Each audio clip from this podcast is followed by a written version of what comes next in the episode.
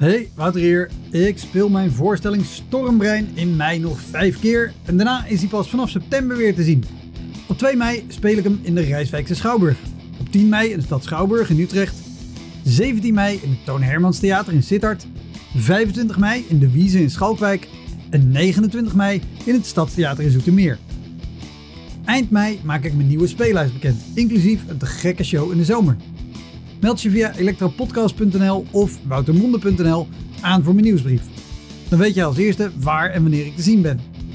Sowieso is dat handig, want dan krijg je elke maand één mail met erin een overzicht van alle podcastgasten, de columns die ik die maand heb gedaan en alle shows die er in de maand erop gaan komen.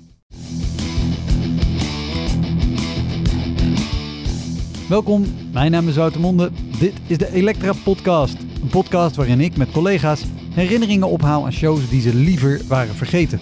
Genoemd naar het roemruchte jongerencentrum Elektra in Sliedrecht, dat ooit bekend stond als de comedy hell.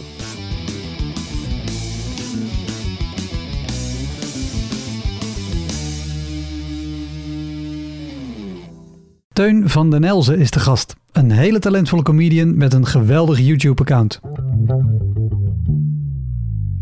Het was al zo'n avond dat je als comedians uh, moet bepalen wat de beste plek is voor het podium.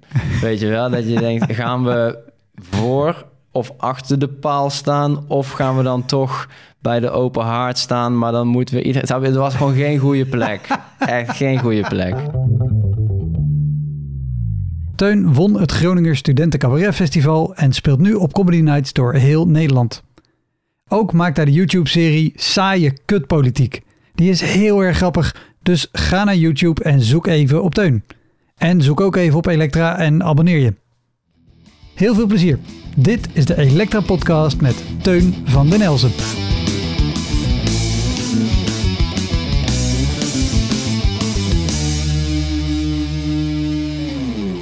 Hey, uh, we gaan beginnen. Jij hebt, jij hebt echt de meeste voorbereiding volgens mij gedaan van iemand ooit. Nee, nee, nee leg, leg, de lat niet hoog, want dat, dat gaat je echt tegenvallen. Oké, nou ja, ik zeg dit omdat ik binnenkwam en je had een laptop met al gewoon een aantal verhalen die je wilde vertellen. Ja. En, en, en, en je had zelfs een bruggetje, want je zei al van tevoren... ik heb één verhaal, daar wil ik sowieso mee eindigen, want dat, dat, die, die moet erin. Ja, ja dat wel. Um, maar even voor het beeld, want jij bent pas kort aan het spelen. Hoe lang speel jij? Exact drie jaar. Wauw. Ja. En hoe, hoe exact? Het is ehm, vandaag, wat is Ja, het is nu februari. Nee, 4 dus februari? De, mijn eerste open mic was in het Huis van Puk in Arnhem. Uh, en dat was in december, 17 december 2017 was dat geloof ik, op mijn vrijdag. Oh, ik heb, ik heb ook wel open mics in het Huis van Puk gedaan vroeger. Uh, ja, het is echt een open podium. Hè? Ik vind ja. om het een open mic te ja. noemen gaat eigenlijk al te ver. En, en, en beschrijf even het verschil tussen een open podium en een open mic. Nou, open, open mic, dat is echt puur stand-up, om het even heel simpel te zeggen. Dus er komen echt alleen maar uh, ja, mensen die of nieuw materiaal komen testen... of echt new kids on the block die hun beste materiaal doen... maar om gewoon zich te ontwikkelen. En een open podium, daar zou je zomaar eens in de line-up kunnen staan... tussen iemand die op zijn keyboard een klankwaterval uh, komt doen, wat letterlijk ooit gebeurd is.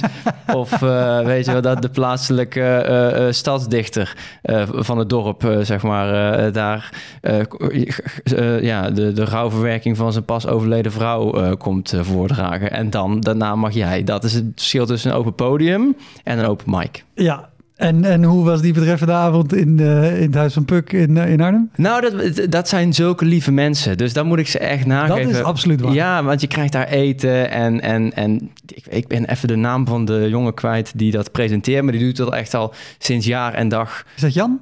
Ja, dat is geloof ik Jan. Ja, ja, dat is Jan. Ja, dat is zeker Jan. En uh, die, uh, nee, die had ook, die, die, die zei ook van, oh ja, en uh, wanneer wil je, ik ga je niet laten openen, dit en dat. En ik had het ook eigenlijk achteraf veel te slecht voorbereid. Met ook als je, ik denk als je je eigen optreden, je allereerste optreden voor het eerst terugziet, dat je denkt, waar had ik het over? Het slaat helemaal nergens op. Je hebt natuurlijk een soort grappen verzameld van de afgelopen jaren die je hebt opgeschreven in je telefoon. Tenminste, zoals het bij mij. En die ben ik dan maar gewoon gaan doen. En ook echt cliché onderwerpen met uh, dikke mensen bijvoorbeeld. Dat je denkt, oh, nou, daar ga ik grappen. Wel achteraf denk je, jezus, wat flauw. Maar goed, dat, maar hij, zij waren super lief. En die Jan, die heeft me ook echt nog advies gegeven van... ga gewoon lekker door en blijf spelen. En het, het lieve was ook nog eens... en daarom zijn het zulke lieve mensen ook nog eens... hoewel die avond echt helemaal niet zo goed ging mocht ik wel terugkomen op de best of night later in het seizoen. Maar ook daar ging ik volledig dood. ik heb om rare redenen warme herinneringen aan het Huis van Puck. Want ik heb daar nog nooit goed gespeeld. ja, dat, dat klinkt als Huis van Puck. Anyway, ja. We gingen het hebben over slechte shows. Ja. Drie jaar geleden dus die, die, die eerste. Ja. En, en dan, want dan ga, je, dan ga je een beetje spelen. Dan kom je op dat soort open podia en open mics terecht. Ja, wat ik fantastisch vind. Ik, ik heb echt een liefde voor de open mics. Uh, want ik, dat wil ik echt gelijk er even bij zeggen. Want voordat het lijkt van, oh ja, ik, dat ik, ik vind open mics echt, als je dat al niet leuk vindt, dan kan je er echt mee stoppen volgens mij. Want het, het, de, de, de, of je nou daar staat voor een, in een heel kleine kroeg ergens in, de, in een uithoek van het land, dat heb ik altijd wel even leuk gevonden als, weet ik veel, in iets heel groots in een supermooi theater. Dat heeft gewoon een andere charme. Ja. Maar volgens mij moet je er allebei wel uh, de, de schoonheid van zien. Wil je dit een beetje volhouden? Absoluut. En, en, en, wat vind jij dan de schoonheid van een, van een open mic in een kroegje ergens in het land? Nou, als je daar wint, dan, dan win je bijna overal met je materiaal. Snap je? Als, je, als, je, als, als het daar werkt, eh, dan, dan, dan weet je... oké, nu, nu heb ik iets, dat, uh, daar kan ik ook met goed fatsoen... zeg maar de, de, de, de echte podia op. Ja.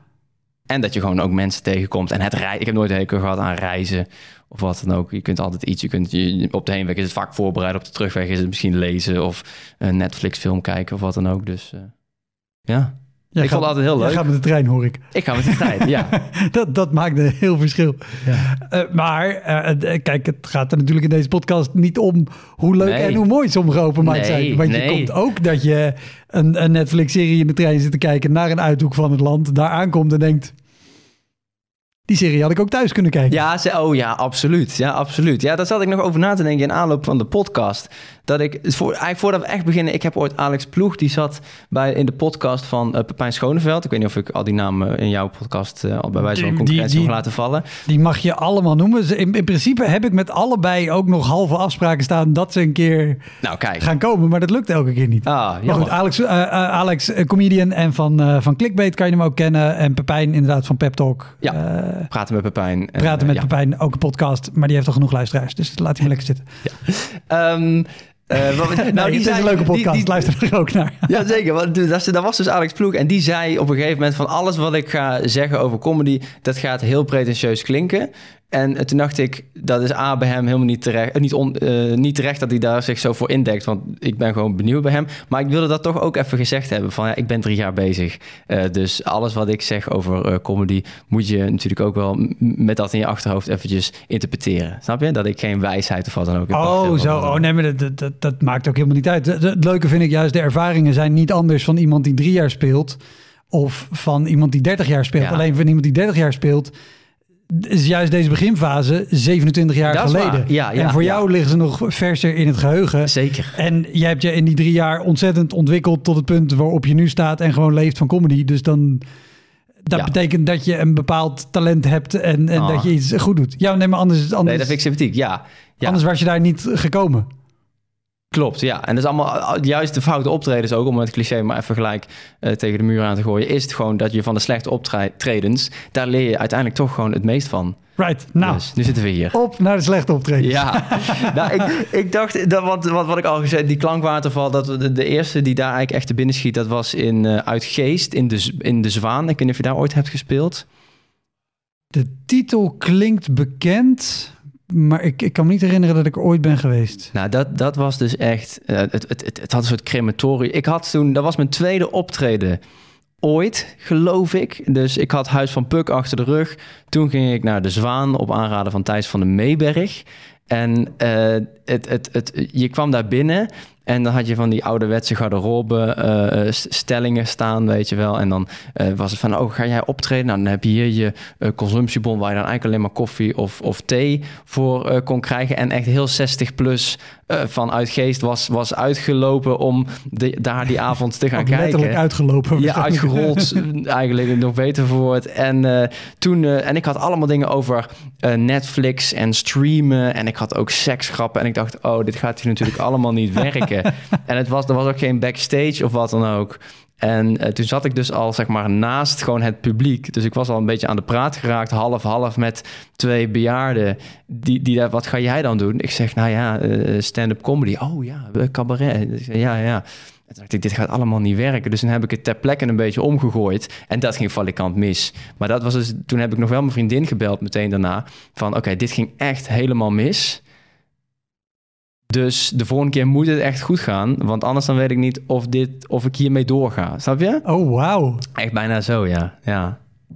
Maar dus wel extra mijn best gedaan voor die keer erop. En toen, dat was zetten bij Said. En dat was weer fantastisch. Dus dat uh, ja. doen. Maar het stom was, als ik nu ook terugzie... ik heb ook echt zo'n heel stoffige kleren aan... alsof ik er al helemaal op gekleed was. Behalve mijn materiaal was er niet op voorbereid. En ook geen... Op, op die bejaarden bedoel Op die, bij die bejaarden, ja. ja dat was heel stom, ja. Oh, maar ook dat je, dat je al zo bij het publiek zit. Ja. En dus al gezellige... Nee, kijk, je valt natuurlijk sowieso op vanwege het feit dat je 40 jaar jonger bent dan, dan de gemiddelde. Ja. Maar uh, voor wie de podcast luistert en niet kijkt, jij hebt ook nog eens gewoon een grote bos blonde krullen. Ja. Dus dat valt ook al op. Ja. Dus ik, ik, ik vermoed dat bejaarden ook al snel contact gaan zoeken en denk, oh, er zit een jongen helemaal in zijn eentje. Ja, precies. Ja, ja, ja. Want ik, iedereen, zat er, iedereen kent elkaar en je bent natuurlijk al de vreemde eend. Ja, ja bent niet van hier. Nee, nee. Dus dat was, dat was mijn eerste echte uh, doodgaan optreden. Die je natuurlijk ook allemaal gewoon echt uh, moet En denk je, als, als die keer daarna, als hij, als hij stel die, dat was een vergelijkbare setting geweest of een vergelijkbare reactie. Ja. Zou je dan daadwerkelijk gestopt zijn? Nee, dat... Of zou je dan toch wel door zijn gegaan? Dat is overdreven, want ik denk wel dat ik toen al door had... oké, dit was ook geen stand-up comedy avond. Dat is wel wat je ook even moet destilleren als je begint met stand-up comedy. Mochten, de, mochten die mensen nu luisteren. dat je wel weet, oké, maar waren de omstandigheden eigenlijk wel goed... om mezelf in deze fase op te beoordelen? Ja. En dat was daar duidelijk niet aan de hand. nee. Aan de andere kant, als ik er nu zou staan, dan, dan, zou ik het ook wel weer heel anders aanpakken. Ik weet niet of het nu wel zou lukken, maar dan zou ik ook met een heel andere insteek daar, daar gaan staan of zo. Dan zou ik me ook helemaal niet meer mezelf niet beoordelen op grappen of wat dan ook. Dan zou het gewoon zijn van, gaan we er een leuke avond van maken? Kan ik die connectie maken? Want uh, dat, dat, dat lukte me toen absoluut niet. Nee, maar zeker ook als het je tweede show is. Ja. Dan zit er acht minuten aan woorden in je hoofd. Klopt. En die moeten er in die exacte volgorde uit, want anders klopt het niet meer met hoe je het in je hoofd hebt gestampt. Exact, ja, ja, ja. Ja. Heb, je, heb jij wel eens een, een, een volledige blackout gehad? Ja, dat was in, uh, dat was in Eindhoven. Dat was uh, bij de Comedy Slam. nee, de Comedy Match. De Comedy Match. En dat was in 2000. 19, begin 2019. En, en moet je me even vertellen wat de comedy... Ja, dat is een, een, een, een, een comedy festival. Dat werd destijds georganiseerd in Eindhoven, ja. in Pand P. Ja. En eigenlijk achter de schermen was dat top geregeld. Dat was echt hartstikke leuk, want het was een soort van... Ja, een heel weekend was het. En voor mij had je in de halve finale had je 12 acts. En in de finale had je er acht wel heel lullig voor de vier die dan afvielen. Of voor mij vielen er maar twee af of zo. Dat is echt totaal, niet, totaal niet in verhouding wie er afviel en wie er allemaal door. De verliezen is al kut, maar als je echt in de dikke minderheid bent, dan is het helemaal vervelend. Um, maar ik had, het, het ding was, de, dus, uh, de, je had een jury, die keek allebei de dagen mee. En uh, de, ze gingen ook beoordelen hoe, uh, ja, hoe gevarieerd jouw materiaal was. Dus je kreeg punten als je niet twee keer hetzelfde deed. Ja. Nou, ik wil natuurlijk in die finale staan, want je wil echt niet bij die twee mensen horen, of, of vier, wat dan ook, die afvallen. Dus ik heb alles, alles ingezet op die halve finale. En inderdaad, nou, ik was door. Volgens mij moest ik ook openen in de halve finale. Dus het was, dat was echt wel, want in die tijd open ik nog niet heel veel. Dit is altijd een dingetje in het begin. Daar dacht ik, oké, ik heb geopend in de halve finale, ik ben door. Dan weet ik eigenlijk al dat ik niet hoef te openen in de echte finale.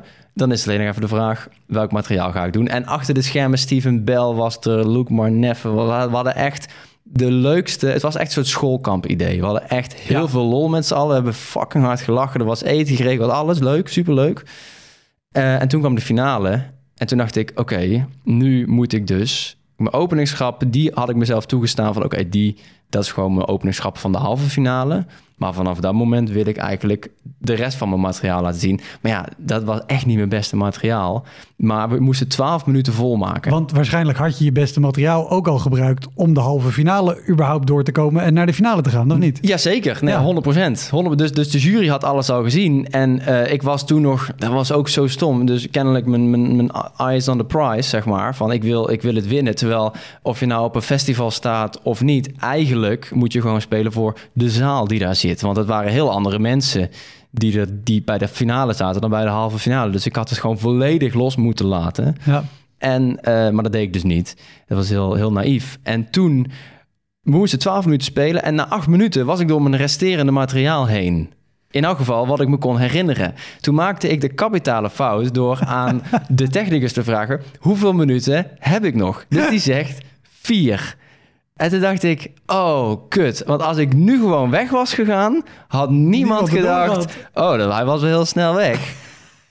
en doordat, ik, dus doordat hij zei vier... en ik het waarschijnlijk ook nog herhaald van... oké, vier...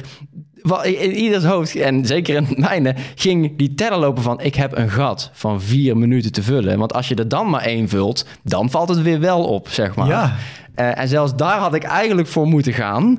Uh, maar ik ben, en, dus, en, iedereen kijkt ook mee. Hè? Dus alle andere comedians. Er zit een jury van twee comedians. Uh, Jeroen Pater, weet ik, die was daar voor mij. Dat was de gastact. Die keek mee. En uh, ik, ik zei van, nou jongens, dan uh, ja, moet ik even nadenken wat ik, wat ik nog allemaal te vertellen had. Um, ja, en ik heb dit nooit teruggekeken totdat jij me uitnodigde. Toen dacht ik van, oh, dan ga ik het even terugkijken. En ik dacht, misschien is dit zo'n vibe, weet je wel. Als je nu een gênante foto van je ziet, dan denk je, oh, wat, wat een gênante foto. Maar als het van jou een kinderfoto is die gênant is, dan is het natuurlijk hartstikke schattig. Ja. En ik dacht dat ik met die distantie inmiddels wel naar dit optreden zou kunnen kijken. Totaal niet. Totaal niet. Dus ik zie mezelf daar stuntelen. En het is ook echt... Een, het is al... Op een gegeven moment... Ik, ik was mezelf een beetje aan het aanmoedigen van... Oh, doe dit maar gewoon. Want op een gegeven moment vraag ik zo aan de eerste rij... Als ik al dus al echt een paar seconden stil ben... Nou, dat is echt lang in stand-up. Uh, van, uh, en uh, zijn jullie een stelletje? En heel die zaal moest ook lachen, maar meer van, ja, dit is zo'n duidelijke poging om er nog iets van te maken, terwijl dat gaat helemaal niet meer lukken. En uh, toen, ik, ik, ik ben daar gewoon maar aan het stuntelen. En de laatste, nou echt 40 minuten of zo, ben ik gewoon, heb ik de microfoon al teruggezet. Terwijl nu zou ik zeggen, nou, zet hem erin en zeg ik, nou jongens, eh, meer gaat het niet worden. Tot ziens. Laatste 40 seconden. 40 seconden, sorry. Ja, ja, ja. ja, ja, ja nee. Nee, nee, seconde.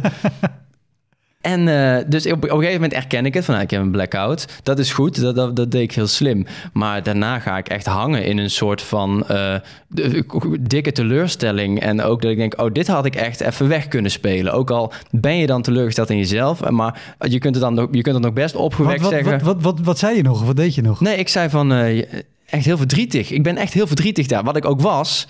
Uh, dus het was wel eerlijk, maar achteraf, je bent natuurlijk ook iemand op een podium. Ja, je moet er ook het beste nog van weten te maken, zeg maar. Maar ik, ik ging echt heel verdrietig af, alsof ik echt een, een, een, een, een, een, een, een rouw, een, een overlijdenstoespraak afsloot. Van, nou, dit, uh, dit, uh, dit was het dan, mensen.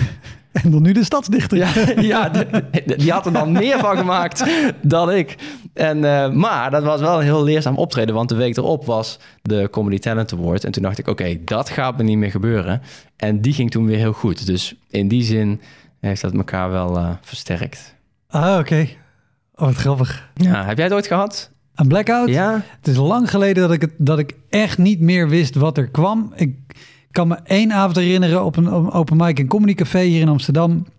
Nog het oude, dat ik stond te spelen. En dat was altijd een heel slecht stuk over dat ik aangehouden werd door een agent. En ik raakte het echt kwijt. Ik maar, dus hij zegt tegen mij... hij zegt... Um, dat ik ook tegen die zaal zei... Heeft iemand enig idee wat die man tegen mij zei? Want ik heb geen idee meer. En toen dacht ik... Oh, ik, wacht. Ja, nee, ik weet het alweer. Dus hij zegt, nee, nee, dat zei ik tegen hem.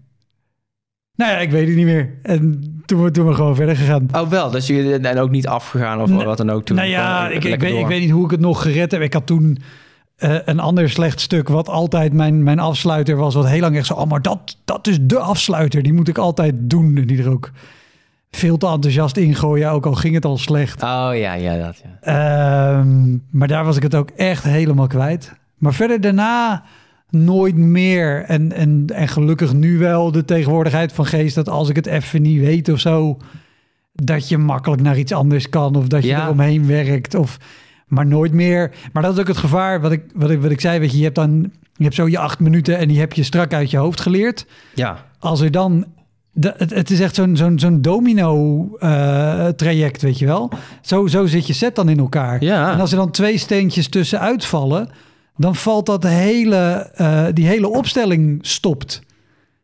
Terwijl nu, ja, als er een steentje ergens mist, Maakt niet uit, ga je ergens anders verder. Je wordt veel flexibeler. Maar in, in, het begin zit alles zo rigide in je hoofd. En ik moet dit zeggen, ik moet dat. Ja. En dus ook, als iemand tussendoor iets roept of er gebeurt iets... Ja. Waardoor je uit die stroom van woorden bent... ben je weg. Ja, in het begin wil je zeggen. Ja, ja, ja, ja, Terwijl uiteindelijk kom je er wel achter... oh, dat is eigenlijk echt stand-up... als je in dat moment daar iets mee doet, zeg maar.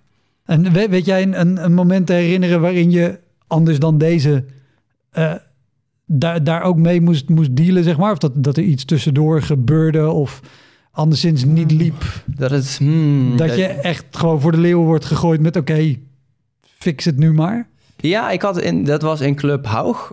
Dat was sowieso een rare avond, maar op een gegeven moment ik sloot af. Een Comedy Club in Rotterdam. Comedy Club in Rotterdam. En uh, altijd leuke avonden. Ik had het, er zijn twee, twee avonden die, die, die, die gingen dan een soort van... Dat, daar was iets raars aan de hand zo, maar verder is dat echt altijd hartstikke te gek. En uh, uh, toen, ik, ik sloot dan af met een stuk en dat ging over hoe de islam uh, bepaalde stromingen omgaan met homoseksualiteit. Een heel interessant onderwerp. ik schiet in een lach omdat ik de bit ken. Jij kent de bit, ja. Die ik niet ga voorlezen of niet ga doen op deze openbare nee, podcast. ga, ga Teun een keer zien en hoop dat hij het speelt. Het is een heel, heel Maar het ding was... Kijk, het ding was als volgt. Ik sta dus die bit te doen. Sorry. Ja, ja, ik, moet, nou ja, zo grappig is de bit. Ik denk er nu aan terug. En moet er gewoon weer om lachen, omdat het hele grappig is. Jij staat hem...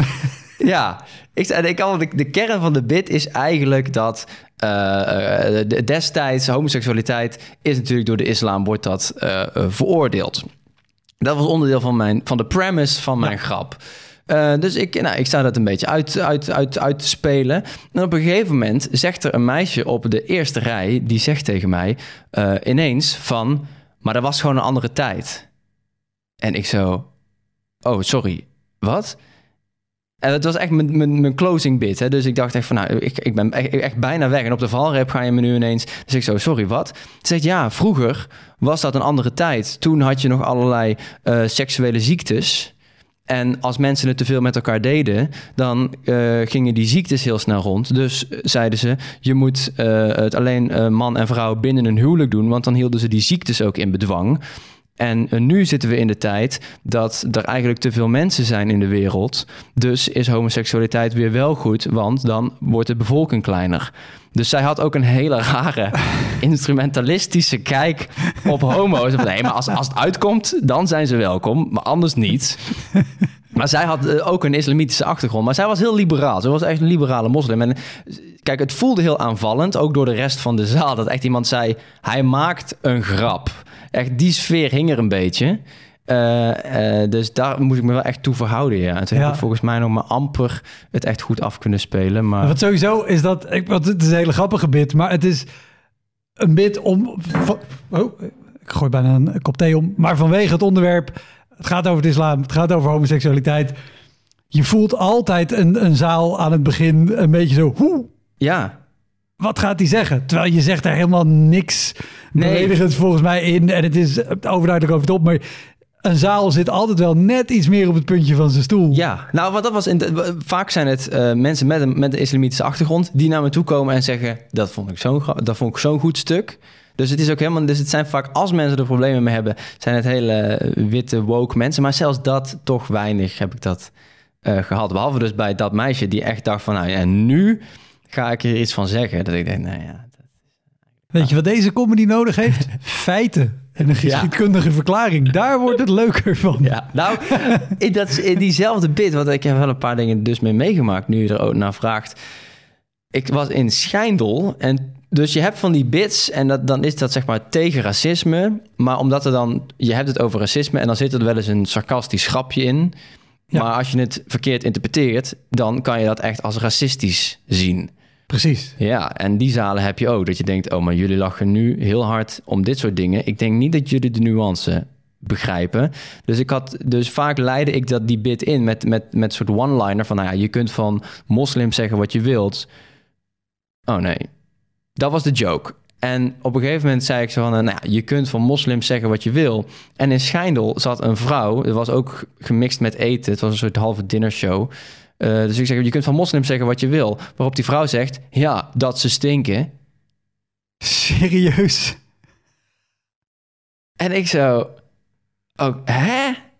en toen ben ik ook gewoon weggegaan. Toen dacht ik van ja, maar dan. Oh, wat goed. Nou, ik dacht, als ik nu deze bit afmaak, dan daarmee erken ik eigenlijk al haar reactie. Ik vond het. Dat ik, hè? Ik, toen hebben we ook echt zonder grap gewoon er iets van gezegd. En uh, daarna ben ik volgens mij uh, vertrokken. Dus dat was ook wel zo'n moment van: oké, hier ga ik niet eens in mee. Ik zal niet zeggen dat dat nou voor mij heel goed... Het, ging al niet goed, hè? Het is niet dat ik nou echt de shine of wat dan ook. Helemaal niet. Maar het was wel ik dacht, ja, oh, dit, ga ik niet... Uh, nee, hier ga ik niet in mee. Oh, wat bizar. Ja. En we hebben nog één keer vaker gehad dat ik merkte... Oké, jullie gaan hiermee aan de haal met het onderwerp. Dat ik het niet meer ga afmaken. Dus ja. Maar, maar dan als je zegt, ik, ik ben weggegaan... Heb, hoe, hoe, hoe, hoe ga je dan het podium af? Heb je, heb, je, heb je benoemd dat je daarom wegging? Of heb ja, je zeker. ja, ja, ja. Nee, daar wil ik ook best iets van zeggen, ja. Van, nou, nee, als, als dit de sfeer is, uh, mevrouw, dan, uh, dan laat ik het hier mooi bij. Tot de volgende keer. Gewoon dat. Wat goed. Ja. ja heb je dat nooit dat je denkt van, oké, okay, fuck jullie, ik ben weg. Ik heb dat nooit, hè. Dit was één keer. Nee, ik heb het, ik heb het afgelopen uh, zomer, ik denk dat het zomer was. Ik heb niet zo'n idee meer wat voor tijd het is. Um, Comedyhuis in Utrecht. Uh, een open mic volgens mij ook. Um, dus gewoon nieuwe dingen testen. En daar kwamen, um, kwam eerst een groep studenten binnen. Uh, allemaal jongens, denk ik. Een stuk of zes, zeven. Ik denk dat zij als eerste waren. Uh, want daarna kwam er ook nog een groep meiden binnen. Ook ja. studenten, of studenten dezelfde leeftijd. En twee daarvan, één jongen, één meisje, die omhelzen elkaar, zoenen elkaar. En ik, mijn eerste reactie was, hou af. Oh nee, oh, oké, okay, jullie zijn een stelletje, oké. Dit was al in coronatijd? Ja, dit was, dit was in coronatijd, ja, ja, ja. Dus sowieso echt maar 25 mensen in die kelder, terwijl normaal kunnen er daar echt 80 in of ja. zo. Uh, dus, en het is al open mic en nieuwe dingen testen, dus dat is al precair. De eer, we deden twee shows op een avond. De eerste was heel leuk geweest, het was echt te gek. En die tweede, wij zitten dus te wachten terwijl het publiek binnenkomt. Wij zitten achter in de, in de zaal. Ik zie dat gebeuren en ik, oh, ze zijn een stelletje. Prima. Maar vervolgens omhelst dat meisje ook nog een aantal van die andere jongens. En ook zoenen op de wang en zo. En ik was echt maar dit was echt frustratie van hou je aan de fucking maatregelen. Ja, ja, ja. ja. En ik zei, ja, maar gasten, jullie, jullie komen hier bij, dit is mijn werk. En ik kan mijn werk nu niet uitoefenen door mensen zoals jullie, ja. die, jullie die, die zich niet aan de maatregelen houden. Dit was ook nog in de zomer dat al rondging van de meeste besmettingen zijn gewoon in de leeftijdscategorie 20 tot 30. Ja. Zijn vooral studenten met feesten bij, bij, bij die eikels in Groningen, weet ik hoe ze heten. Uh, en ik werd daar zo pissig van. En ik had ook echt zo, ja, maar ik, ik, ik heb helemaal geen zin om jullie aan het lachen te maken. Ik heb helemaal geen zin om nieuwe, nieuwe dingen voor jullie te Ik was zo boos. Ja. Maar ik had ook ja, maar ik wil niet... Ik ga niet zeggen, ik speel niet. Want ik ben ook gewoon één iemand die de avond maakt. En ja, het is een open mic. Maar ja, je hebt toch ook... Toen hadden volgens mij drie mensen of zo die dan wat konden testen. Want de show was maar een uurtje. Ja, tuurlijk, ja. Dus weet je, ik voel ook gewoon een verplichting naar de organisatie toe en zo. Ik wil ook niet zeggen, hey, ik naai er tussenuit. Ja. Dus ik was zo pissig. En, en ik dacht, oh, maar, oh Wouter, hou je in. Niet opkomen en gelijk boos worden. En niet alleen maar een boze preek gaan geven. Want ah, je hebt nul overwicht op die lui. En ja. het haalt geen reet uit en weet ik wat. Uh, maar ja, het is ook nog eens met als er 25 man zit, waarvan 14, 15 uit dezelfde vriendenclub of van hetzelfde studentenvereniging, dezelfde studentenvereniging kan je ook al niks mee. Dus ik heb vooral interactie gedaan. Ik heb die lui een beetje belachelijk gemaakt. En ik werd ook nog gewoon boos op mezelf. Want ik was die lui een beetje belachelijk aan het maken. En dus, nou, één iemand vragen stellen en die een beetje kapot maken. Nou, dat vonden ze hartstikke leuk. En ik was echt boos op mezelf. Ja, godverdomme, dit kan ik wel. Ik weet wel dat ik dit kan. Oh, hier lachen jullie wel ja. om. Ik werd gewoon boos omdat het goed ging. en, en ik hoorde mezelf ook grappen maken die ik ook echt ontzettend lelijk vond. En echt te goedkoop en te makkelijk. Dus ja, ik weet dat jullie daarom moeten lachen. Maar dat is niet wat ik hier vanavond wil komen doen. En toen heb ik uiteindelijk nog wel ook heel, heel flauw. Ik zei, oké, okay, je studeert allemaal wie, wie van jullie doet HBO? Nou, dat was twee derde. Ik zei, oké, dus de rest doet universitair. Oké, jullie zijn de slimmere. Leggen jullie even aan de rest uit dat jullie je echt moeten houden aan de maatregelen. Want blablabla. En toen ben ik ook gewoon naar achter gelopen. Ik heb mijn jas gepakt. Ik ben gewoon gelijk de, de buitendeur uitgegaan en weggegaan. Ik was oh. echt wit heet. Wauw. Ik had echt geen zin in. Ik was zo boos op die eikels. Maar ik zei, oh, maar alles, alles wat jullie moeten doen is gewoon een half jaar niet aan elkaar zitten. Ja, ja, Kom op. Ik bedoel, ik heb mijn hele studententijd niet aan andere mensen gezeten. Dat was geen keuze, maar het is, het is mogelijk. Jij zat wel elke week bij een comedy show te kijken naar mensen die elkaar aan het zoenen en knuffelen waren. Dat was de echte frustratie, Wouter. Ja, nee, maar verder niet, niet zo dadig. Ik heb, ik heb wel ook de, wat je vertelt over zalen die te hard lachen uh, om, om bijvoorbeeld racistische grappen of zo. Dat je merkt, oh, maar jullie lachen nu niet meer omdat dit een grap is, maar gewoon omdat jullie de racistische ondertoon ja. echt waarderen. Ja, ja. Dat, dat heb ik ook wel gehad. Ja, vaak bij van die bits van dat je jezelf betrapt op iets racistisch. Dat je dus, daar gaat het eigenlijk over je eigen zwakte. Hè? Om het eventjes heel... Eh, alleen als je... Maar dan moet je de situatie uitleggen.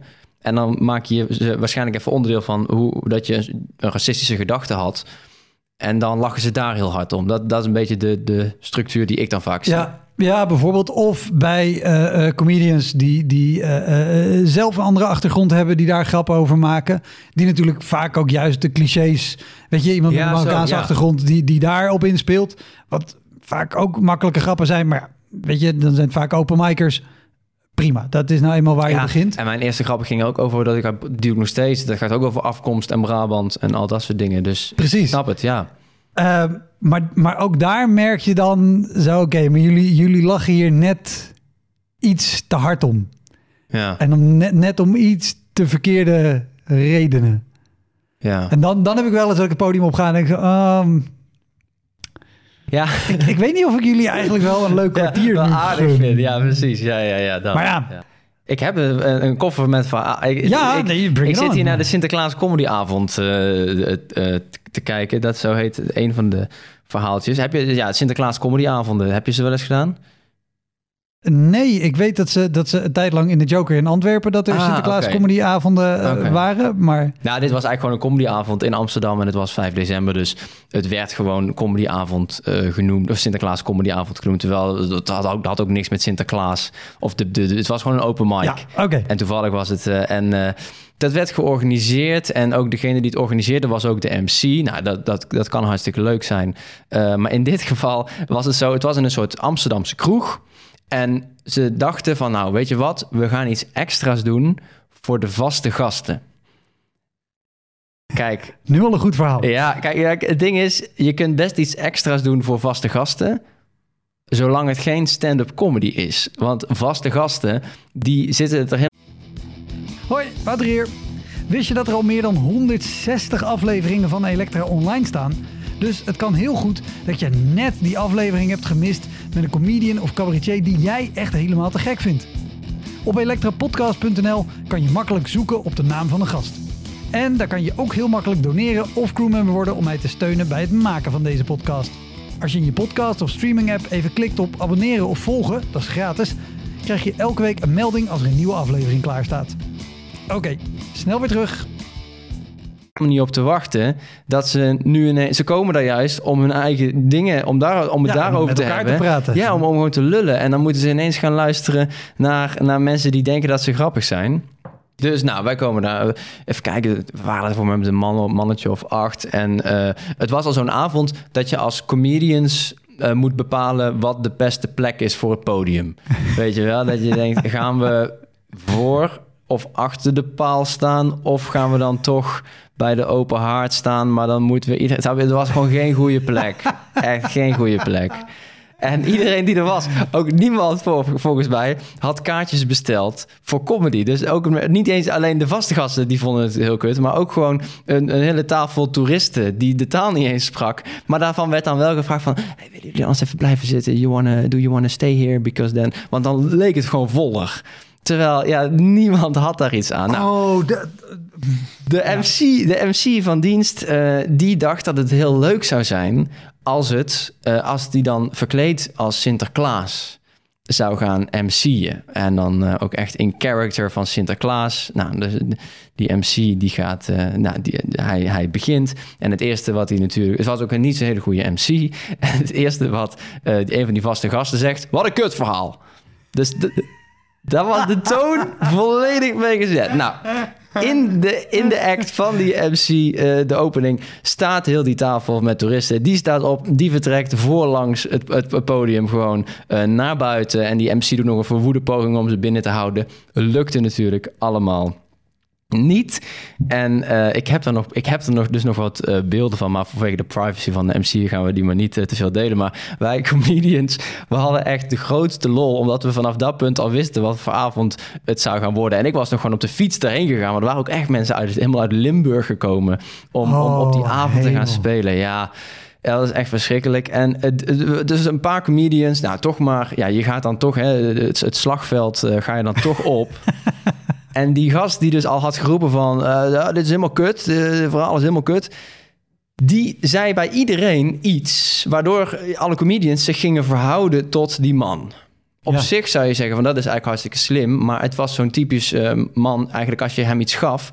daarmee voedde je hem alleen ja. maar. Ja, precies. En zijn stokpaardje was op een gegeven moment geworden... zijn stockline van dit is geen stand-up comedy. Dit is geen stand-up comedy. Ja, dit is geen stand-up comedy. Terwijl die mensen stonden daar gewoon stand-up comedy te, te proberen, zeg maar. En op een gegeven moment moest ik, ik was denk ik de laatste voor de pauze. En toen dacht ik, oké, fuck it. Er is geen eer te behalen. Dus ik ga gewoon vol in op die gast. Ik zeg, hey, Kalert, hij had geen haar geloof ik. En ik, echt vrij lomp ging ik erin. Ik denk, we kijken wel waar het schip strandt. En dat maakte hem heel... Hij was, gewoon, was duidelijk voor iemand die gewoon tegendruk, zeg maar, nodig had. Dus uh, nu lijkt het namelijk alsof... Dat, dat maakt dit verhaal misschien net heel lelijk... want ik kom er nog redelijk ongeschonden uit. Omdat ik dacht van... oké, ik pak jou aan, keihard. Ik doe mijn verhaal. Ik erken hoe kut het allemaal is. En uh, that's it. Waarop die man uiteindelijk begon te klappen. Zei, ja kijk, dit is stand-up comedy. dat ik dacht, oh yes. Later bleek ook nog, dus als ik al had geweten, weet ik niet hoe fel ik erin was gegaan, dat hij ooit gelieerd was geweest aan de Hells Angels. Dus ja, dus- gezellig. ja, ja, dus dat is ook om even de sfeer te omschrijven. Maar wat het nog, wat het extra uh, lelijk maakte die avond, was um, uh, Cortijn Tonkes, die speelde ook. Die is, volgens mij is die in het open mic circuit nooit echt tot zijn recht gekomen. Het is voor ook een soort theatermaker. Meer cabaret en kleinkunst uit mijn hoofd. Ja, ook acteur is die volgens mij zelfs. Ik, ik, ik, ik weet eigenlijk te weinig van Kortijn, maar de keren dat ik met hem speelde, was het eigenlijk hartstikke leuk en uh, gezellig. De, en hij zou die avond afsluiten, want hij had toen al Groningen gewonnen, al jaren daarvoor. Ja. Hij zou de avond afsluiten. En uh, hij had vrij slim bedacht van, oké, weet je wat ik doe? Ik kom gewoon op met een Sinterklaaslied. Dus hij had aan de vrouw achter de bar gevraagd van... hey, kan ik even op YouTube? Dan doe ik even een liedje aan. En, dat, en die had echt een soort remix gevonden van een Sinterklaaslied. En dat was hartstikke slim, want dat, dat, dat werkte. Dus hij komt op met die muziek. Nou, een heel Amsterdams café. Helemaal, ja, Sinterklaasje, oh, gezellig. Waarop dus uh, uh, hij, hij, hij, hij staat er op dat podium een beetje iedereen mee te krijgen. Waarop dus onze MC, meneer de Sinterklaas, denkt... hey, ik heb heel de avond al verneukt, maar nu is er sfeer. Dit is mijn moment. Dus die Sinterklaas vliegt zonder baard, want die had hij even afgedaan. Maar met staf en al het podium op. En die gaat daar ineens de shine eh, lopen pakken. Waardoor oh, dus de hele sfeer ook weer totaal kapot was. Dat je ook Cortijn zag kijken van... What the fuck is dit? Dat je al, dus gewoon een MC die denkt: fuck it, ik ga gewoon in de act van een ander gewoon nog even. Oh, wat Het was niet eens een podium, het was echt belachelijk slecht, ja. Ja, maar wel uh, toch vrij legendarisch. Ja. Oh, ja. Dus dat was, dat was dat, dat, ik weet zeker, iedereen die daarbij was die avond, die weet dat nog, dat in de, in de kleinste details uh, na te vertellen. Ja. Want, want beschrijf even zo'n, zo'n, je komt op zo'n plek aan, jij dan op de fiets. Ja. Je komt daar aan. Wat, wat denk je dan als je dat ziet en denkt, ik zie geen podium? Ja, ja, dus dan, dan dat er een microfoon is, is dan al bonus. Want dat heb je natuurlijk ook wel eens. Dat er geen microfoon is, dat je echt op een kist moet gaan staan. En uh, ja, nee, maar we hebben toch, het is toch gezellig? Ja, nee, zo werkt het niet. Maar er was dus al een microfoon, dat, dat scheelde heel veel. Ja, ik was er voor mij wat vroeger ook. Dus ik had nog... Ik had ergens anders wel... Ik had een salade gehaald bij de, bij de Albert Heijn, geloof ik. En die dan daar voor de deur nog opgegeten. Maar je voelt het natuurlijk al aan je water dat het, dat het niet goed gaat gaan. En dan komt de rest een beetje binnendruppelen. Nou, dat, toen kwam de Sinterklaas uh, binnen die dan een line-up voor je gaat maken. Dat je denkt, ik denk niet dat jij, dat jij hier goed in bent. Maar als je het op een gegeven moment erkent voor jezelf, dan is het wel prima. Want ik heb ook een keer gehad in Zwolle. Toen stonden we ook voor zo'n bijna lege, lege tent. En dat was met Thomas van der Huls. Je hebt de grootste lol vaak onderling op dat mhm. soort plekken. En dan bij, dus toen was ik helemaal naar Zwolle gegaan, wat wel echt wel een, een, een, een eind was. Alleen toen was er een jongen die deed het voor het eerst. En voor het allereerst. En toen heb ik altijd tegen de jongen gezegd van... hey, weet dat dit waarschijnlijk... want bij niemand gaat het goed. Bij jou gaat het... Ik hoop echt dat het goed gaat. Maar als het niet goed gaat, wat al niet raar is voor de eerste keer, hè, maar als dit niet goed gaat, weet dat je dan dat dit vanavond geen stand-up comedy was. Wat we hebben gedaan. Dit was iets, ik weet niet wat het was. maar dat is, dan moet je voor je, daar, daar leer je natuurlijk later, kan je daar beter over oordelen. Ja. Dus als je dat erkent op een gegeven moment, dan denk je, nou, dit is misschien leuk voor bij Wouter in de podcast. ja, maar het is wel heel vervelend als je echt alles uit je hoofd hebt geleerd en je gaat echt stad en land af en je komt dan, ja, dan valt het ook wel tegen. Ik zal niet zeggen dat het alleen maar leuk is of zo, hoor. van nou, nu gaan we lekker. Nee, maar ook, ook, als jij naar, naar zo'n plek in Zwolle gaat, uh, of überhaupt waar je heen gaat, je gaat er natuurlijk altijd heen met een bepaalde verwachting en een bepaalde hoop dat je denkt, nou, leuk, we gaan een comedy show doen. Ja. In je hoofd is dat gewoon een mooie club met werkende techniek waar mensen zitten die weten welke kansen op moeten kijken en die enigszins nuchter ja, zijn. Dat is waar. Ja, dat, dat hoop je. Dat, en hoe meer van die dingen je af kan vinken, hoe, hoe beter de avond waarschijnlijk gaat worden. Ja, ja. zeker als een organisator zegt van hé, hey, maar de, de, afgelopen drie keer eh, was het helemaal uitverkocht. En dan, zit, dan, dan ga je er echt heen en dan zitten er vier. Het is altijd, de keren ervoor was het altijd heel leuk en uitverkocht. Ja, en ze snappen er altijd niks van. Ik, ik weet niet wat ik verkeerd doe in mijn carrière, maar bij dat soort avonden, ik kom altijd op de avond dat het, dat het niet druk is. Nee, maar vorige keer hadden we hier een hele studentenvereniging. Ja. Toen was het hartstikke leuk hoor. Ja, ja. Yeah, right. Ja. Café de Posthoren in Rotterdam. In, in cafés hangt altijd zo'n, zo'n, zo'n, zo, of niet altijd, maar soms zo'n tegeltje van morgen is het bier gratis. Toch? Eigenlijk zijn in, in zo'n, als ze daar dan comedy organiseren, dan zou er eigenlijk een tegeltje moeten hangen van. De vorige keer was het echt hartstikke leuk, weet je wel? Dat is, terwijl die keer is het waarschijnlijk, ja. Nee, en het, het, het is ook een beetje vergelijkbaar met. Nou, weet, weet je wat mijn ex altijd deed? Wat, ja, maar daar, daar heb ik niks aan. Ja. Hey, wat heb je nog op je lijstje? Mm. Uh, wat heb ik nog meer? Ja, drachten, dat moet ik wel vertellen. Ja, dit is een heel kort verhaaltje. Is dat ik in Vechel, toen uh, moest ik spelen in plaats van de jaarlijkse tonprater. Dus toen zag ze, nou Teun, we hebben altijd een tonprater.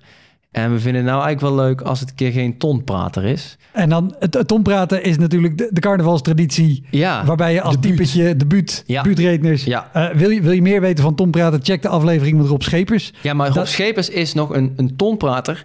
Dat is echt een hele goede tonprater. Dat, is een van de beste tonpraters die er is. Ja. Uh, maar, maar, meer om te zetten, het, het is een carnavalsetting. En het niveau bij tonpraten, wat de avonden ook heel leuk maakt. Maar iedereen komt daarheen met zin in bier en de grappen hoeven niet per se nee. van het allerhoogste niveau te zijn. Nee, en, en je komt er ook niet mee weg, eh, zeg maar, in, in, in de Randstad. Nee. In, uh, want want de, de, de andere act eh, dan die avond, we hadden dan twee acts. Ik was dan de stand-up comedian.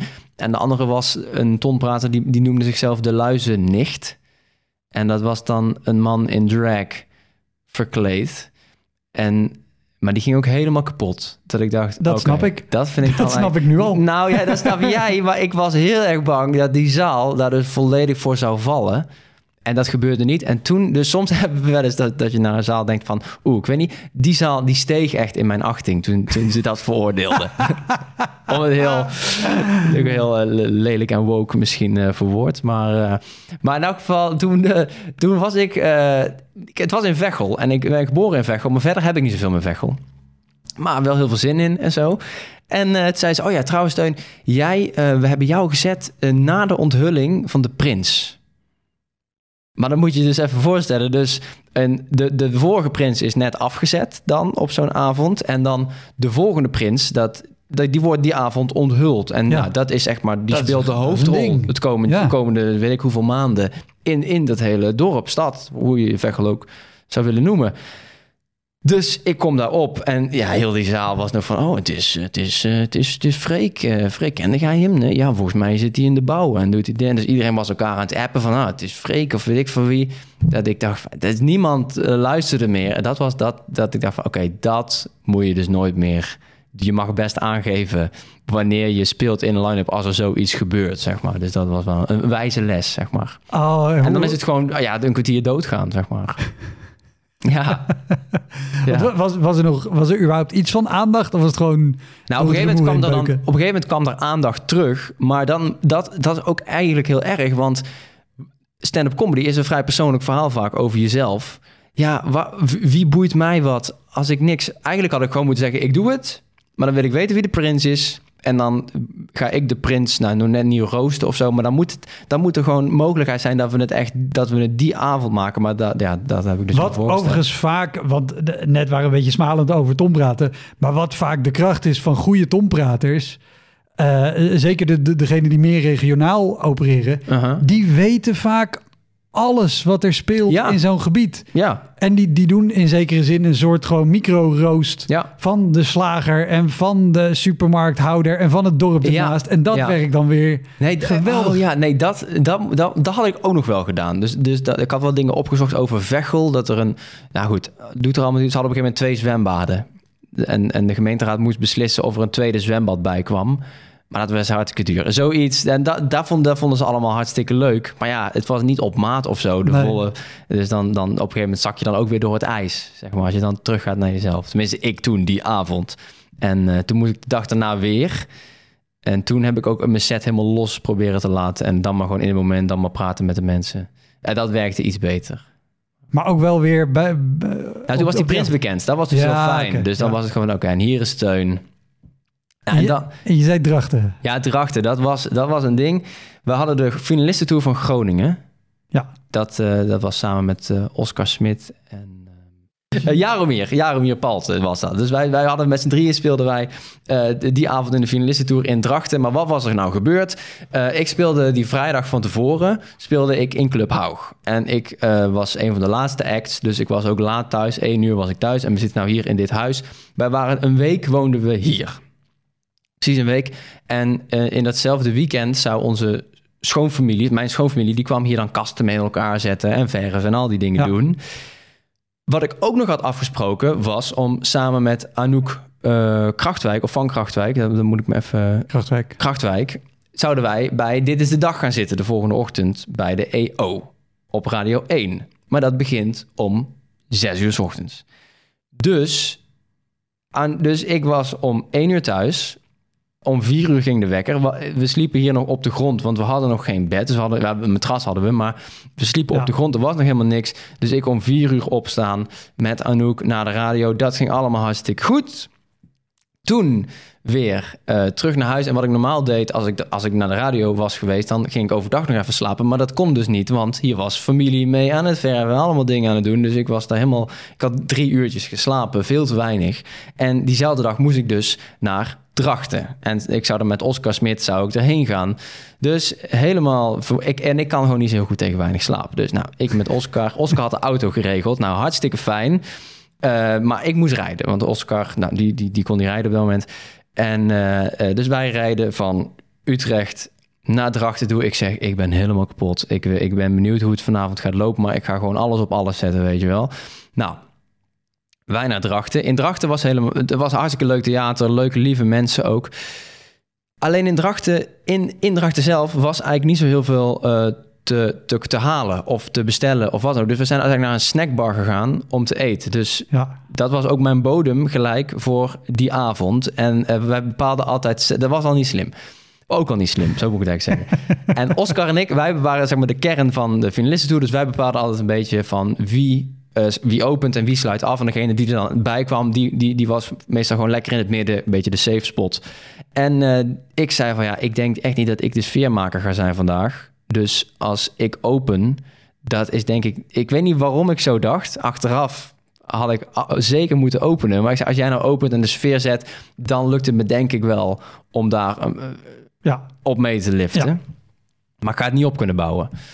Nou, oké, prima. Helemaal, Oscar vond het ook helemaal geen enkel probleem. En toen uh, kwam op een gegeven moment de organisatie van Groningen, die was ook mee. En die zei van, hey, we hebben een, een, een, een, een commissielid van ons. En die wil ook heel graag uh, cabaretier worden. En uh, die was op de studentenvereniging, was die echt hartstikke grappig. En hij is er toevallig bij. Mag die dan ook een paar minuten? En Oscar en uh, ik, wij zagen er aanvankelijk niet zo heel veel problemen in. Wel van ja, ja, het is natuurlijk geen finalist, maar ja, als het voor vijf minuten is, whatever. Weet je wel, we hadden toch maar drie acts, dus dat past prima in de line-up. Nou, wij dus, uh, dus, dus Oscar opent, hartstikke sterk. Echt heel goed, alsof hij stond af te sluiten. Gewoon bam, bam, bam, bam, bam. Toen kwam Jaromir, ging ook goed. Toen was het pauze. En toen kwam dus dat, die jongen uit, uit de commissie. Ja. En uh, Oscar, die was dan de MC van de tweede helft. En die, oh ja, daar moet ik nog bij zeggen. Oh, dat was zo stom. Ja, ik was, ik kijk, we hadden al. Kijk, de MC van de eerste helft was de afsluiter van de tweede helft. En degene die hem uh, even kijken, zeg ik het goed. En dan degene die had geopend, die presenteerde de tweede helft. Want er was geen geld meer voor een Dus jij had MC. de eerste helft gepresenteerd? Ja, maar wat ik daar had gedaan, dus dat, dat was al een klassiek voorbeeld van eigen ruiten ingooien. ik, ik, ik checkte altijd waar we stonden even het nieuws. Van is er nog lokaal iets gebeurd? Ja. En met mijn stomme kop, want ik had het gelezen, maar er was niet heel veel gebeurd in Drachten. Maar er was iets, ja, daarom dus, ik, dit is niet helemaal waar wat ik nou zeg. Er was iets en er was een jongen neergestoken. Van 16 of zo. Echt. Oh, dat is leuk nieuws. Nou, Daar moet je wat mee doen. En ik vraag dus met, met, met mijn hoofd: hey. Nee. nee.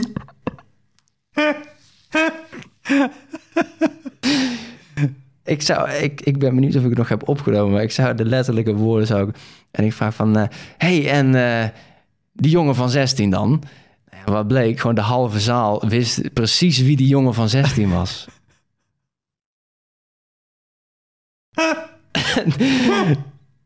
ja, dat was echt. en het stom was ook nog eens, er was ook nog een issue met coniferen. En toen ben ik daarover. Maar goed, die coniferen dan. Ja, het was helemaal, het was op. Het was, zo, het, was, de, het was gewoon al helemaal mislukt. En toen kwam dus Oscar en die, die kwam met een soort energie en een soort, die speelde dat gelukkig helemaal weg. Maar ja, ik, mijn, ze hadden mij natuurlijk al lang eh, beoordeeld daarop, terecht, want dat doe je niet. En uh, toen kwam de, nou en toen was, oh ja, nou, Oscar presenteert de tweede helft. Ja. En zei nou, leuk uh, dames en heren, een, een unicum in, in uh, deze finalistentour. Uh, een, en een, gastact van een commissielid. Hier is die. Nou, Henky, ik weet niet misschien. Ja. Ging helemaal, helemaal dood. Ging echt helemaal niet goed. Daar kunnen we eerlijk over zijn. En Oscar was daar ook heel eerlijk over als MC. Van nou, dat was natuurlijk niet goed, mensen. Uh, daarom is, is dit een commissielid. Precies. Ja. En wij zijn de professionals. Hier is de, de winnaar van de Jury en Publieksprijs. Teun van Elzen. Nou, Theo van Elzen is nog harder dood gegaan dan het commissielid. Ja, dat was echt vanwege de vermoeidheid, vanwege alles wat ik al had. Eh, ja, mijn hele imago die avond. Dat, dat ging gewoon echt van oh, alle kanten mis. En toen dus echt uh, volledig verloren, volledig. En uh, daarna, dat, was ook goed van Oscar, die sprak me er ook wel echt op aan. En van ja, je stond helemaal op de automatische piloot en geen enkele verbinding met de zaal. Het was echt te lage energie. Terwijl voor mijn gevoel was ik echt zo hard mogelijk als ik kon aan het spelen. Dus ik had het zelf ook helemaal niet door. Dus ik was ook echt helemaal van de kaart. En uh, die, die, de auto moet ik er ook nog even bij zeggen. Op de terugweg. dat was een elektrische auto. En zelden is het vervoermiddel zo symbolisch geweest eigenlijk voor mijn eigen situatie. Want een elektrische auto, heb jij een elektrische auto? Ja. Maar die geeft de radius aan, toch? Mhm. De, en als jij al de, de, de radio, radio eigenlijk aanzet, dan verandert de radius al in de auto die wij hadden ja. in elk geval. Dus, Ja. dus alles wat wij deden, voor ons gevoel, dat, dat trok die, die radius veel verder terug in kilometers. En eh, het was ook nog eens zo, eigenlijk zouden we die auto daar dus in Utrecht moeten krijgen en dan zou ik de trein halen. Maar die radius liep zo ver terug dat we op een gegeven moment langs de kant moesten gaan staan. Dat we ook nog eens niet de stekker konden vinden. En dat we uiteindelijk bij de juiste laadpaal hadden we hem erin gedaan. Bleek dat we niet betaald hadden van tevoren. Dat we echt 20 minuten hadden gewacht op niks. Toen moesten we nog gaan eh, laden. Die de hele terugweg, toen zijn we als een soort race tegen de klok. Moest ik dus mijn laatste trein halen. Het heeft Oscar. Nou goed, het is, het is al- dat is allemaal eigenlijk. eh. Ik voelde me die auto op dat moment. Van ik gewoon al leeg zijn en toch nog door moeten eigenlijk. Ja. Dat. Ik ken het. Ja. Oh. En dat was ook dat ik dacht, oké, dat is ook gewoon discipline. Zeg maar, zorgen dat je uitgerust bent voor de show. Want ik weet zeker, als ik om negen uur was opgestaan in plaats van om vier uur, dan hadden die mensen in Drachten een veel leukere avond gehad. Ja, Waar ze voor betaald hebben. Dat een beetje wat in die, in die documentaire van Jochem Meijer heel erg naar voren kwam. Van, oh ja, het is ook echt een ijzeren discipline qua gezondheid die, die je nodig hebt. Dat. dat. En, en hoe langer je op het podium moet staan, hoe meer energie het vraagt. En je moet gewoon fit zijn om dat met je volle aandacht te kunnen doen. Easy as that, ja. ja. Ik heb, is er nog ruimte voor één verhaal? Ja, Oké, wel dat is, de, dat is Antwerpen. Dus dan komen we toch weer een beetje in België uit. Maar dat, eh, dat is, het was 2018. En toen had ik... ehm, het ding was, mijn vriendin die had... Nee, ik had net met Pieter Bouwman geluncht. En eh, ik zei dat ik met stand-up bezig was. En Pieter Bouwman die had echt eh, tips. En precies zoals Pieter is, gewoon echt stevig erin. En Ja. het gaat weinig mensen lukken. En eh, jou waarschijnlijk dus ook. Niet, niet letterlijk zo, maar van bereid je voor op het ergste. En hij kwam met de tip, wees altijd eerlijk. Om het even gechargeerd te zeggen. Ja. Ik, ja, hij, hij, hij is daar veel slimmer in om dat te verwoorden. En Pieter Bouwman was vroeger zelf ook comedian, maar is vooral regisseur. Regisseerde Hans Theeuwen, zat ook... Ja. Deed Mannen van de Radio en Radio Bergijk. En, en regisseerde nog honderdduizend andere mensen. Ja. Ja. Ja. Dus Pieter, dus en toen. Die zegt zinnige dingen. Die zegt hele zinnige dingen. En die zei van, je moet, je, jij moet je openstellen naar het publiek. Want tot die tijd gaan ze, waarom zouden ze zich dan openstellen naar jou? En met jou een leuke avond willen hebben. Toen dacht ik, damn it. En toen wist ik, want ik, was, ik zat toen nog in de kast. Dus ik, ik val, eh, iedereen wist al dat ik op vrouwen viel. Maar niet dat ik ook nog op mannen viel.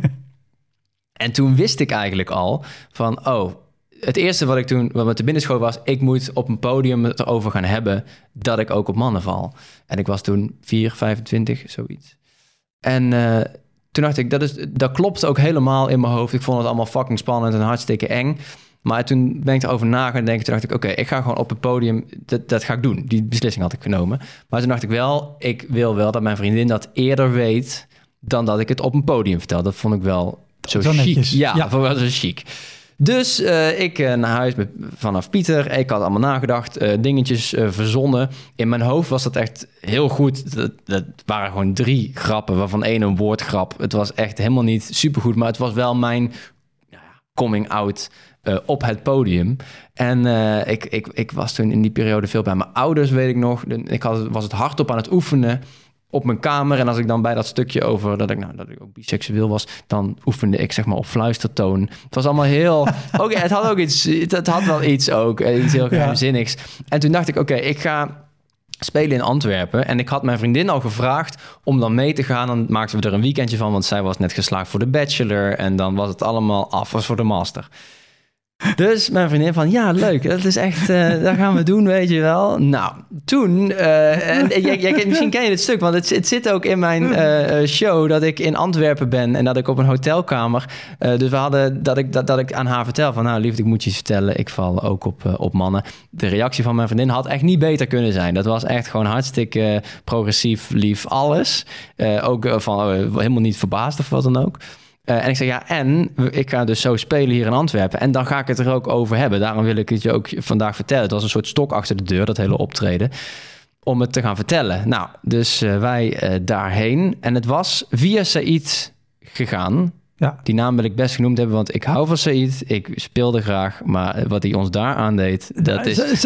Even goed om te zeggen, Said speelt zelf ook, maar hij organiseert vooral heel veel... Ja, dit had hij niet georganiseerd, daar moet ik er wel bij zeggen. Okay. Hij, hij had gewoon... Voor, het, was een, het was een Antwerps comedy festival vanuit een comedyclub, maar dan weer niet de Joker. Dus wie dat dan ook is geweest, ik heb geen enkel idee. Ik heb echt geen... Jij, jij, jij, jij rolt met je ogen. Jij hebt misschien wel een idee nu. Ik, ga, ik ga zo door de Rolodex en ik denk, wie... Hm, Oké, ja, vertel verder. En het was volgens mij Boer van Tiene. Zeg je dat iets? Dat is een café daar in Antwerpen. Voor mij is het Boer van Tiene. Dat, daar zit een soort pleintje, langwerpig pleintje. En daar zou dan dat hele festival zijn. Nou, wat gebeurde daar? Daar staan gewoon terrassen. En iemand had daar gewoon een platte kar neergezet met een microfoon erop en twee boxen. En dat was zeg maar het podium. Terwijl niemand, je denkt festival, maar niemand had betaald om, voor dat festival. Iedereen zat daar gewoon te eten. Ook nog eens onder witte parasols, waardoor je vanaf tafel 2, 3 al niet meer het podium kon zien, want dat was verhoogd, dus je zat tegen een witte parasol aan te kijken. En ik, weet niet, dat, ik speelde daar onder andere met Odette van der Molen. En uh, nou, ik, sowieso alle lof voor de comedians die daar stonden te spelen. Want die deden echt keihard hun best. Het was gewoon echt vechten tegen de bierkaai. Dus toen dacht ik van ja, dan, dan, dan moet ik maar. Dus hadden we al besloten, we gaan niet meer op die platte kar staan, weet je wel. Mhm. Want dan ziet de helft je niet. We gaan gewoon lekker uh, op de stoep gewoon staan. Ja. Maar dan was je gewoon een dude met een microfoon op de stoep. Dat sloeg even min ergens op, maar, maar je deed iets. Ja, beter dan niet zichtbaar. Precies. En het was trouwens ook nog zo dat iemand, iemand had een foto gemaakt van de omstandigheden. Die had hij naar de headliner gestuurd. En de headliner heeft toen tijdens het festival gezegd: Ik blijf thuis. Die is gewoon niet meer gekomen. En ik weet niet wie de headliner was, maar die heeft echt een hele slimme keuze gemaakt op dat moment. En uh, dus ik stond daar nou, helemaal gehyped. Nou, ik ga nu voor het eerst uit de, de, kast komen, zeg maar. En dat is dan, dat, het vervloog alle kanten op en niemand moet dan lachen. En je staat daar en ja, dat was gewoon... En mijn vriendin was er dus bij, hè. Kijk, als je zoiets dan alleen meemaakt, dan, is, dan, dan kan je daar nog iets van ja, lol van inzien. Maar als er echt getuigenissen bij zijn, dat is ook als je van je fiets pleurt, dat je denkt, nou, we hebben van mijn fiets gevallen, ik ben echt een mogol. Maar als andere mensen het zien, dan, dan ligt dat oordeel bij hun. Zeg ja, je kijkt nooit naar je verwondingen. Je kijkt eerst naar wie heeft het gezien. Ja, inderdaad, inderdaad. Oh, ik heb mijn knie gebroken. Nou, ja. Maar niemand heeft het door. Nee, precies. En toen, toen, was, toen was Odette van de mode en dat, dat somde eigenlijk de hele situatie toch wel op. Want het was tussen het podium en de mensen zat ook een fietspad. Een letterlijk een fietspad. en uh, Odette had een hele goede grap in die tijd en dat ging over mamiels, uh, middle-aged men in lycra. Van die, van die dikke middelbare man op een racefiets. En I kid you not, op het moment dat ze die punchline zegt... komt er over dat fietspad, over haar kabel...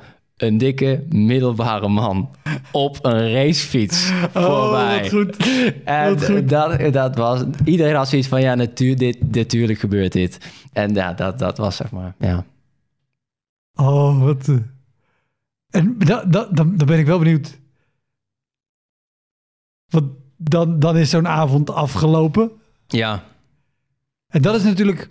Het was zomer, dus het was ook nog eens volledig licht. Dus er was ook niks. Oh, dat is ook wel zo opstellig. Kijk, in, in, deze podcast gaat het natuurlijk altijd over hoe, hoe wij het beleven en hoe, hoe, hoe je zelf zo'n avond ervaart. Ja. Maar in dit geval, weet je, dan, dan je bent ook nog een, een weekendje weg met je vriendin. Die heb je net ook nog eens best wel een groot persoonlijk ding ja, onthuld. en zo, hey, en kom mee naar mijn comedy carrière die ik probeer op te zetten. en ik ga dit persoonlijke ding nu ook aan die mensen. Nou, dit is wat ik doe. Hoe, hoe is de rest van dat weekend nog?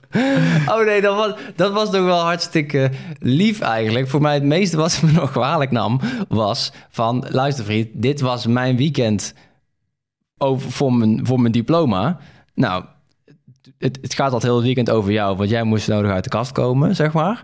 En uh, daarna was het van ja, nu gaat het hele weekend eigenlijk over die show die uh, mislukt is. Dus eigenlijk, ja, alle doelstellingen van het weekend zijn uh, in geen enkel opzicht gehaald. maar nee, mijn vriendin is dan ook niet, die kan, die, kan, die kan dan op zich ook al mee om, om, om lachen en zo. Ik denk dat niemand had dit Niemand had dit gekund. Niemand. Niemand. Nee, dat weekend was al prima. Dat was prima. Ah, Oké, ja. gelukkig. Dankjewel. Graag gedaan. Dat was hem, de Elektra Podcast. Meer informatie over mijn gast van vandaag en linkjes naar van alles en nog wat vind je in de omschrijving van deze aflevering. Er staan ongelooflijk veel afleveringen online van Elektra. En op elektrapodcast.nl kan je makkelijk zoeken op de naam van jouw favoriete comedians en cabaretiers. Je kan daar ook eenmalig doneren of crewmember worden. Als crewmember betaal je maandelijks een klein bedrag maar dan krijg je ook nog eens bonusmateriaal. Je luistert voortaan zonder onderbrekingen. En je krijgt consumptiebonnen die je kan inleveren bij een show van mij. Ik vind het sowieso te gek als je een keer komt kijken bij mij. Dus ga naar woutermonde.nl. Daar zie je precies waar en wanneer ik optreed. Of meld je aan voor de nieuwsbrief. Dan hou ik je op die manier op de hoogte. En dan nog iets. Elke vrijdagmorgen doe ik een column op radiostation Kink. Je kan die column terugluisteren als podcast. Hij heet Kink op de Week en je vindt hem in de app waar je ook deze podcast luistert. Oké, tot de volgende Elektra. Hoi!